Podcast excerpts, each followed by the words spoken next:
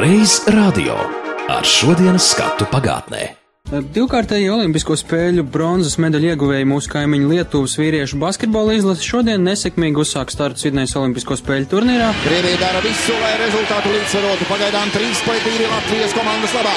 Krievi savā aizsardzības zonā. Kozlovs met ripu uz priekšu un ripa skrēja pāri. Latvijas trikriteņbraucēji trio Viesturs Bērziņš, Ainārs Čiksis, Ivo Lakučs Olimpiskajā sprinta sacensībās izcīnīja astoto vietu ceturdaļfinālo zaudējot Austrālijai. Gluži tāpat kā sporta spēlēs, to komentētāji un žurnālisti sacenšas, kurš pirmais ar savu mikrofonu tiks klāt sportistam, kurš būs izturīgākais, lai sagaidītu piemērotu brīdi atlēta intervēšanai, kuram tiks tas gods un reizē arī darba smagums atainot ēterā Olimpiskās spēles, un kuram ir pietiekami veikla mēle un valoda, lai komentētu sporta laukumā notiekošo. Manuprāt, tā radio misija ir intervēt cilvēkus un uztvert šīs emocijas, jo tikai mēs esam tie, kas eh, var dabūt no šī intervējumā to emocionālo.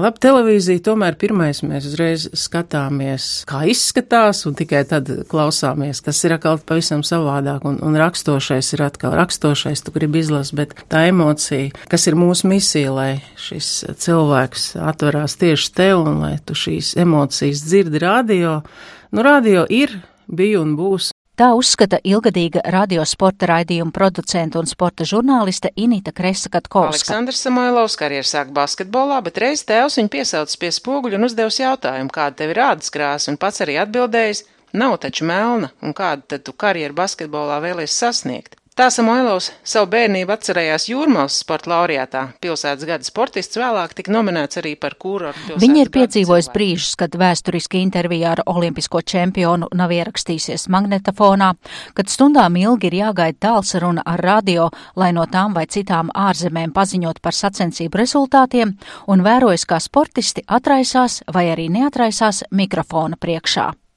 Man liekas, ka sporta ziņas ir ļoti specifiskas un tiešām cilvēkiem, kam interesē sporta ziņas, un arī šajos apstākļos, kad tik ļoti ātri ir mūsu dzīve, ka ir tik vienkārši atrast informāciju, un tomēr radio man ļoti gribētos cerēt, ka ir pirmais mēdījis, kuru vienkārši ieslēdzot, mēs šo informāciju uzzinām, tādēļ arī tā mūsu misija joprojām ir vispirms pasniegt šo informāciju, paziņot kas notika, kā tas notika, un tad, ja sporta draugi vēlas kaut ko vairāk uzzināt, tad viņi lasa portālos šo informāciju, skatās atkārtojums televīzijā. Tagad šīs iespējas ir ļoti daudzveidīgas.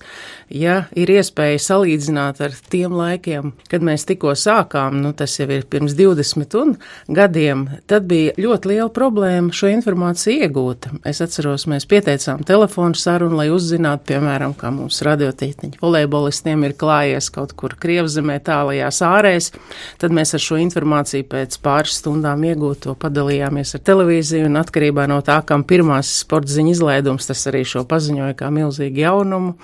Protams, arī ierakstus es ļoti labi atceros, ka apmēram divu spīdolu smagumā plecā mums bija šie lentu magnetofoni, ar ko mēs gājām un veicām ierakstus, un šie ieraksti bija ļoti apjomīgi, nevar salīdzināt ar to informāciju, kas ir tagad ļoti kompakta un līdz minūtei ir ieteicams ziņās, lai būtu šī intervija ar personībām. Tad eh, arī pat sporta ziņās, kas bija vakarā līdz pat 15 minūtēm, līdz pat 7-8 eh, minūšu ieraksts skanēja savulaik. Es tā domājot par sporta komentēšanu, man šķiet, ka tā ir viena no tām augstākām pilotāžām tādā ziņā, ka par radio ir ar vārdiem jāveido attēls, ja mēs runājam par komentēšanu. Jā, nu mums jau radio vēsturē. Es neatklāšu nekādus jaunumus. Gunārs Jakobsons bija un ir tas cilvēks, kas spēja uzbūrt šīs ainas pat no neinteresantām spēlēm, jā, jo viņš ir radio studijā, radio komentētājs, un viņš saka, nu tas klausītājs jau nav vainīgs, ka šī spēle varbūt nav tik interesanta, bet viņš ir allaž bijis sagatavojies uz katru no translācijām, un droši vien, ka jaunie var tikai ņemt piemēru no šī pieredzējušā komentētāja, kā viņš ir spējis uzburt to, kas ir, un arī to, kas nav, un, un, un daudz klausās varbūt šo reportāžu kā tādu lugas uzvedumu, kā tādu interesantu, saudabīgu spēju redzēt un dzirdēt to, ko varbūt katrs radioklausītājs arī ir izvēlējies. Cik sportisti ir pateicīgi vai nepateicīgi sarunu biedri? Ja mēs ņemam vērā, ka ļoti bieži žurnālistam ir tūlīt pēc spēles, pēc sacensībām jāiet klāt, un viņš varbūt tur ir vai izskrējis, vai kaut ko izmetis un veiksmīgi vai mazāk veiksmīgi. Ir ļoti dažādas situācijas. Man ir atmiņā Olimpiskās spēles gados, kad Jeļena Rubļevska modernajā pieciņā izcīnīja sudraba medaļu. Un es tajā pirmajā momentā nepiegāju viņai klāt, jo viņa izties nogurus un tāda nu, nebija smaids sejā. Es domāju, nu ko es tagad mazliet pagaidīšu. Un tā es gaidīju piecas stundas. Un tā man ir mācība, ka Olimpiskās spēles jau vispār ir ļoti īpaša reize, kā tikt klāt, kurā momentā ko atrast, kāds ir garstāvoklis sportistam. Un tajā momentā Pēc tam Ļina gāja uz dopingu pārbaudi. Tad viņai vēl bija kaut kas, visi žurnālisti bija aizbēguši, vienīgā gaidīja līdz tumsai. Tas ir tas uh, brīdis, ka tomēr ir jāiet uzreiz un jāķer. Protams, lai tu varētu dabūt to feelingu, to sajūtu, ko tu gribi ne tikai, nu, kā jūs jūtaties un kā jūs nostartējāt, un paldies un viss jums labu tad ir tāda īpaša atmosfēra, ir jānogaida, ir jāmēģina atrast tam cilvēkam kaut kāda pieeja un, un jāatrod tā stīga, pēc kuras viņš labprāt atraisās un runā plašāk. Arī sportisti ir ļoti dažādi, ne visi ir runātāji, citi ir darītāji, citi savulaik nav bijuši runātāji, par tādiem ir kļuvuši, un arī mēs ļoti labi zinām, kā piemēram personības veidojas no vienas intervijas uz otru, uz trešo, kā cilvēkus intervējot, arī pieaug pieprasījums pēc tiem, kas prot savu vīziju pasniegt, kā piemēram hokeja Oļegs Sarokins, kas kļuva par uh, Latvijas čempionu, un viņam ir pieprasījums momentāli kādas 10-20 intervijas nedēļā. Jā, nu, izmainīja pilnīgi visu, no acīm redzot, lielā mērā tas nostrādāja, jo tiešām spēle bija veiksmīga, un vismaz mēs redzam, ka mums ir viena, viena maiņa klāt tagad pie tās pirmās maiņas, kas spēlējas, spēlēja pirms tam. E, otra lieta mums ir pirmai maiņai, es domāju, atpakaļ jāliek Indreša. Tāpat arī jaunais Rēnis Nitišs, kas savos 17 gados sasniedzis milzīgi daudz, bet viņš ar savu vienkāršā lauka puišu piemēru prot pārliecināt un, un cilvēkiem rada tādu pozitīvu emocijas. Es redzu, ka es varu pabraukt ātri, es redzu, ka, ka nav neviens super cilvēks, kur nevar apdzīt un kurš brauc ātrāk. Tā kā es redzu, ka es varu un es, es gribu sasniegt un es arī sasniegšu. Reiz radio. Sporta ziņas un pārraides ir skanējušas arī mūsu radio pirmsākumos, konkrēti pagājušā gadsimta 30. gados. To 1995. gadā sarunā ar Gunāru Jākapsonu atminējās no jau mūžībā aizgājušais izcilais radiožurnālists Osvalds Porietis. Man jāgribas pieminēt Austrālijā mirušo Valdemāru Dulmanu kolēģi, ar kuru kopā mēs īpaši par sporta līniju eksperimentējām.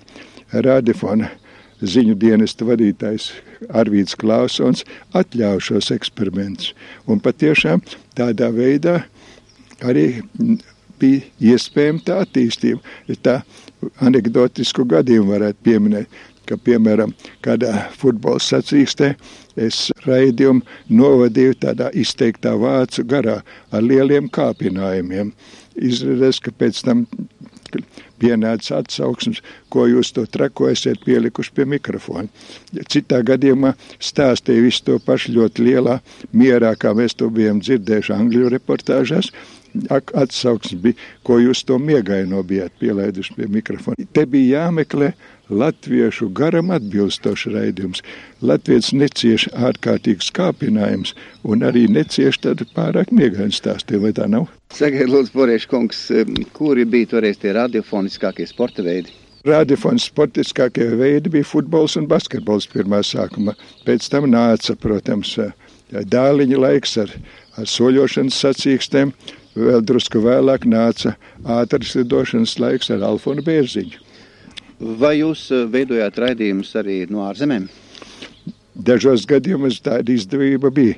Tā, piemēram, eh, nu, nerunāsim par, par citām valstīm. Es no Somijas devu raidījumu par pasaules meistarsacīkstiem ātras lidošanā 1938. gadā. Un no Igaunijas jau ļoti bieži bija futbola sacīks un arī basketbola sacīks.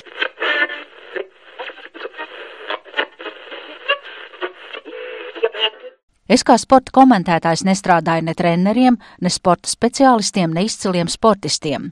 Es strādāju vienkāršam cilvēkam, lai paceltu viņu degunteli augstāk, un sporta reportāža ir līdzeklis, lai to panāktu. Mans uzdevums ir viest optimismu klausītājos, un mans darbarīgs tam ir sporta komentēšana.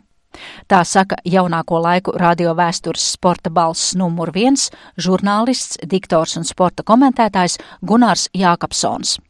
Viņš bilst, ka sports jau no mazotnes ir bijis tādā kā pārinterešu līmenī, bet sporta komentēšana agrā jaunībā ir šķitusi neaizsniedzams sapnis. Tas bija kaut kur tāds mans sapnis, tomēr kaut kur no mazotnes. Es tagad atceros vienu sarunu Svitenes upītes krastā. Man toreiz bija kādi, nu, varbūt 18 gadi, 19 gadi. Es tur tikos eh, ar savu bērnības draugu Imantu Šleiteru.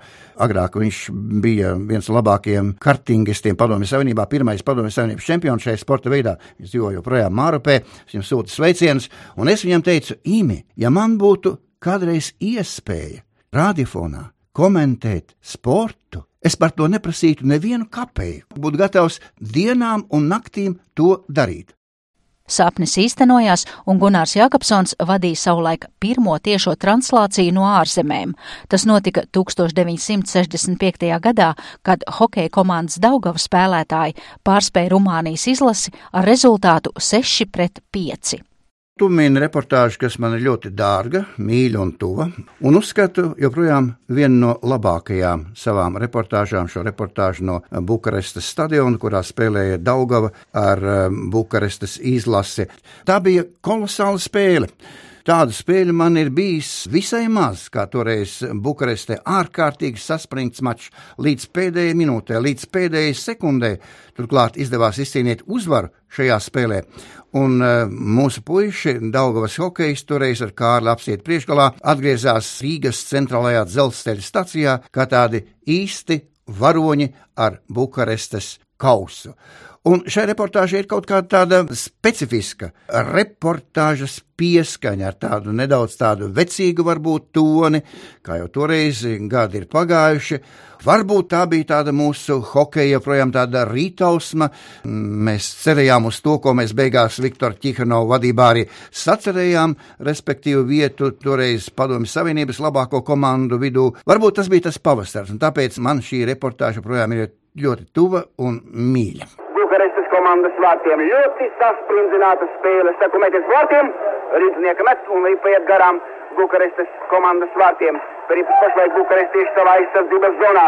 Tas ir Jonesku. Jonesku izspēlē ātri Vargam. Varga Ripu zaudēja rīznieka atlidot suduklā. Sekos 88 metiens. Met! Met! Skaisti!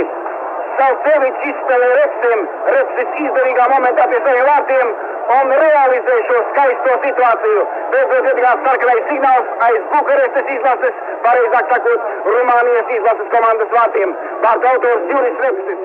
Rezultāts 5 pret 4. Un arī jūs jau labu laiku toreiz bijāt nostrādājis radio, bet eh, man Jā. interesē, nu, vai hokejs bija tā jūsu sirdslieta vai sports vispār? Noteikti sports vispār, bet eh, par manu mīļāko sporta veidu daudzi kļūdās sacīdami, ka tas ir hokejs. Hokeja reportāžu man ir bijis ļoti, ļoti daudz, bet mans mīļākais sporta veids ir bijis, ir un joprojām paliks tomēr futbols. Es futbolistu komentēju apmēram 50 gadus. Ļoti daudz gadus esmu strādājis Daugavas stadionā. Savulaik tās bija manas otrās mājas. Vasarās es pavadīju Daugavas stadionā faktiski divas, trīs dienas nedēļā. Un ziemās e, es parasti strādāju sākumā mazajā arēnā Daugavas stadionā, arī dzan vienalga minus 20 vai minus 25, un pēc tam Rīgas sporta pilī, kuras arī pēc tam es uzskatīju par savām otrajām mājām. Cik ļoti sporta komentētājam uh, ir jāzina visi termini un tas, kas notiek uz laukuma? Nu, ļoti, ļoti ir jāzina, protams, bet, eh, lai tu kļūtu par sporta komentētāju, tad pirmkārt tev ir eh, gluži vienkārši jāprot runāt. Un nevis tā plāpāt uz ielas, bet jāprot runāt labā, literārā valodā, bagātā valodā. Tev ir tātad jāapgūst vārds vispirms. Jāapgūst šī māka un māksla, kā ar šo vārdu operēt, kā pēc tam operēt ar teikumiem. Uzvarētājs sen jau zināms. Sešreiz Eiropā jūs pirmā. Tramvaju trolībus pārvaldes vīru vokāla ansambļa skandēta dziesma, līksmis, smaidi, saulains pavasarīgs noskaņojums, dabā un sporta cienītāju sirdīs. Sidrabotais laineris māju patvedis 12 kārtējas uzvarētājas, Rīgas zelta meitenes, seškārtējas Eiropas kausīguvējas un seškārtējas Padomju Savienības čempiones. Lidostā sporta organizāciju pārstāvji, sportistu draugi un tuvinieki, TTT jaunie basketbolisti. Sirsnīgi rokas spiedieni, skūpsti, krāšņi ziedi, fotoobjektīvu un mikrofonu krustugunis. Jāpiebilst, ka arī ātrunas tempi ir svarīgi, un Gunāra rekords ir 300 vārdi minūtē. Iemetienā esam it kā uzvarējuši, arī Parīža Vīgs jāspēlē puiska pret vārtiem, nu! Ai, pārāk tālu aizvien no vārtiem, Jūris slipa vēlreiz pret vārtiem, nav kas pieliek punktu. Arī pa Krievijas komandas spēlētāji. Kazlovs nāk mūsu aizsardzības zonā un spēlēja ar Irbe. Irbe pietu ripu viņam blakus. Tev ir jākontaktē ne tikai ar sporta treneriem, specialistiem, bet arī valodniekiem, jo bieži vien sportiskie termini liekas eh, valodniekiem tādi svešādi un eh, kaut kā neiet eh, iekšā latviešu valodā šie termini. Bet ar laiku, ar laiku tas jau kaut kā sacementējas kopā un domāju, šobrīd arī tā sportiskā valoda ir pavirzījusies nedaudz uz priekšu, salīdzinot ar maniem, teiksim, jaunības gadiem, kad uzskatīja vārds mačs, tas nav pieņemams, bet nu pamazām pamazām nu, valoda kļūst krāsaināka, bagātāka, gribam vai nē, nāk arī citas valodas mūsu valodā iekšā, un ja tu komentē spēli, un ja tu šai spēles laikā simt reizes saki spēle, spēle, spēle, spēle, tad tas tā paliek tā visai dīvaini, vai saki sacīksta vai satensība, arī ar to ir par mazu, un tad iespods tas mačs skatot sporta vēsturi radioēterā. 1968. gadā toreizējais sporta raidījuma redaktors Īns Puteklis, kā pirmais radiodarbinieks, sniedz reportāžas no Olimpiskajām spēlēm Grenoblē. Gunāra Jākapsona kontā ir 13 olimpiskās spēles, un viņam ir savs viedoklis par šo pasaules mēroga notikumu. Olimpiskās spēles tā ir pasaules sporta un pasaules, es gribētu teikt, civilizācijas svētnīca. Tas ir svētums, Olimpiskās spēles. Vismaz man. Reiz radio. Uldis Jirgens, Arnis Blodons, Elvis Jansons, Tāls Eipurs - tie ir tie kolēģi, kas vēl nesenā pagātnē un daži arī vēl šodien veido sporta pārraides ziņas un komentē sportu. Elvis Jansons, tagad raidījuma kā labāk dzīvot vadītājs, savulaik arī ir krājis pieredzi, atspoguļojot ēterā Olimpisko spēļu norisi. Lielākais un emocionālākais brīdis bija Pekinas Olimpiskajās spēlēs. Mēs atradāmies tobrīd eh, Velo stadionā, kur Mārcis Strombergs izcīnīja zelta medaļu. Tā bija pirmā zelta medaļa. Pēc ilgāka laika Igors Vihrovs bija pirmais, bet pēc tam grūti tagad pat pateikt, jā, tas, tas bija tāds, nu, tas ilgi gaidīts un, un tiešām zelts bija. Un, un man arī sanāca pirmajam dabūt interviju no Māra tajā brīdī. Nu, vienmēr sakot, tas, tas laikam tas spilgtākais mirklis. Katrā gadījumā no vienas puses gribas braukt uz Olimpiskajām spēlēm, no otras puses saprot, ka tas ir ārprātīgs darbs trīs nedēļu garumā, un, un pēc tam tu tur jūties tā kā izspiests citrons. Es saprotu, ka jūs tur tik daudz nemaz tās pašas spēles neredzat, ir vienkārši jāpārskrien no vienas vietas uz citu. Tieši tā, tieši tā. Tu nepārtraukt gaidi, tev ir zināmā mērā ar elkonīšiem jācīnās par savu vietu, lai dabūtu, jā, pievāc to savu mikrofonu pie tā sportista klāt. Tas viss ir nepārtraukt, jā, tas pamatīgs stress, nepārtraukt tu esi uzvilcies, jā, jo tev jādabūna rezultāts. Tu zini, ka tev pēc 15 minūtēm jau ir jādod kaut kas gaisā, jā, un nu, tas ir mobilizācija faktiski visas 24 stundas diennaktī. Runājot par informācijas apjomu, kas ir jāpatur galvā sporta komentētājam, līdzās spēlētāju rezultātiem, spēļu norisei, kāpumiem un kritumiem tajās, jāzina arī ir specifiskie sporta termini. Elvis atceras, kā komentējot svarcelšanu, visu laiku bija jādomā, kurā brīdī tā ir raušana un kad grūšana. Un, proti, ja tu to neizdarīsi nu, vismaz reizi mēnesī, jā, un, un, un varbūt pat reizi gadā, bet tas tev ir pirmo reizi, nu, tad, tad ir tiešām no sākuma jāatceras, kas ir raušana un kas ir grūšana. Kā šīs disciplīnas atšķiras, un, un lai, lai tagad nepatīk, tā tagad notiek uh, raušanas, jā, mēģinājums, bet patiesībā ir grūšana. Nu, mēs runājam par svaru celšanu. Svaru celšanu, jā, jā ko mēs ar Gunāru Jākapsonu Pekinas Olimpiskajā spēlēs, tad, kad Viktors Čerbatiks izcīnīja bronzu. Tur visu laiku mums pie tā bija jāpiedomā, jo noteikti ne Gunārs, ne es neesam svarcelšanas speciālisti tik lielā mērā, lai varētu nu, tā ļoti precīzi niansēs saprast, kas tur īsti notiek. Tad, kad tu esi komentējis, tu esi mācījies tos speciālos sporta terminus, kur ir jāzina? Nu, basketbolā vairāk vai mazāk tie ir zināmi. Nu, par svārcelšanu mēs runājām. Nu, ja vajadzētu vēl kaut ko, tad, protams, ka es sēdētu un mācītos. Jā, jā, protams, ka ir jāzina. Jo tas ir viens no tiem pašiem galvenajiem - nesajaukt kaut ko tādu un nesākt pilnīgas muļķības runāt.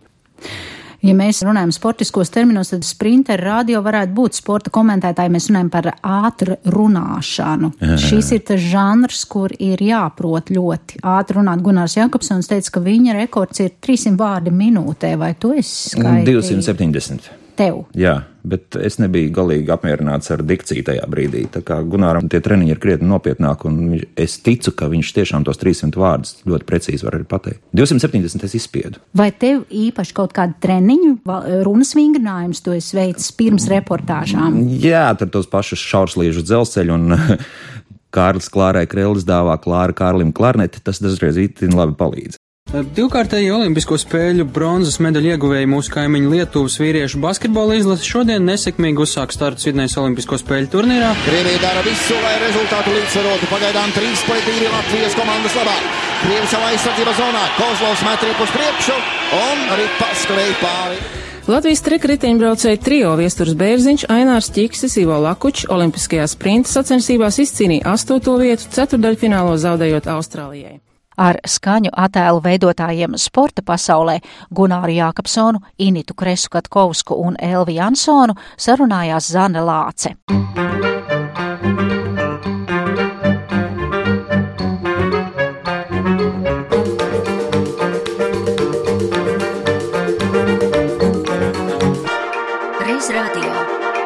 Reiz radio ar šodienas skatu pagātnē.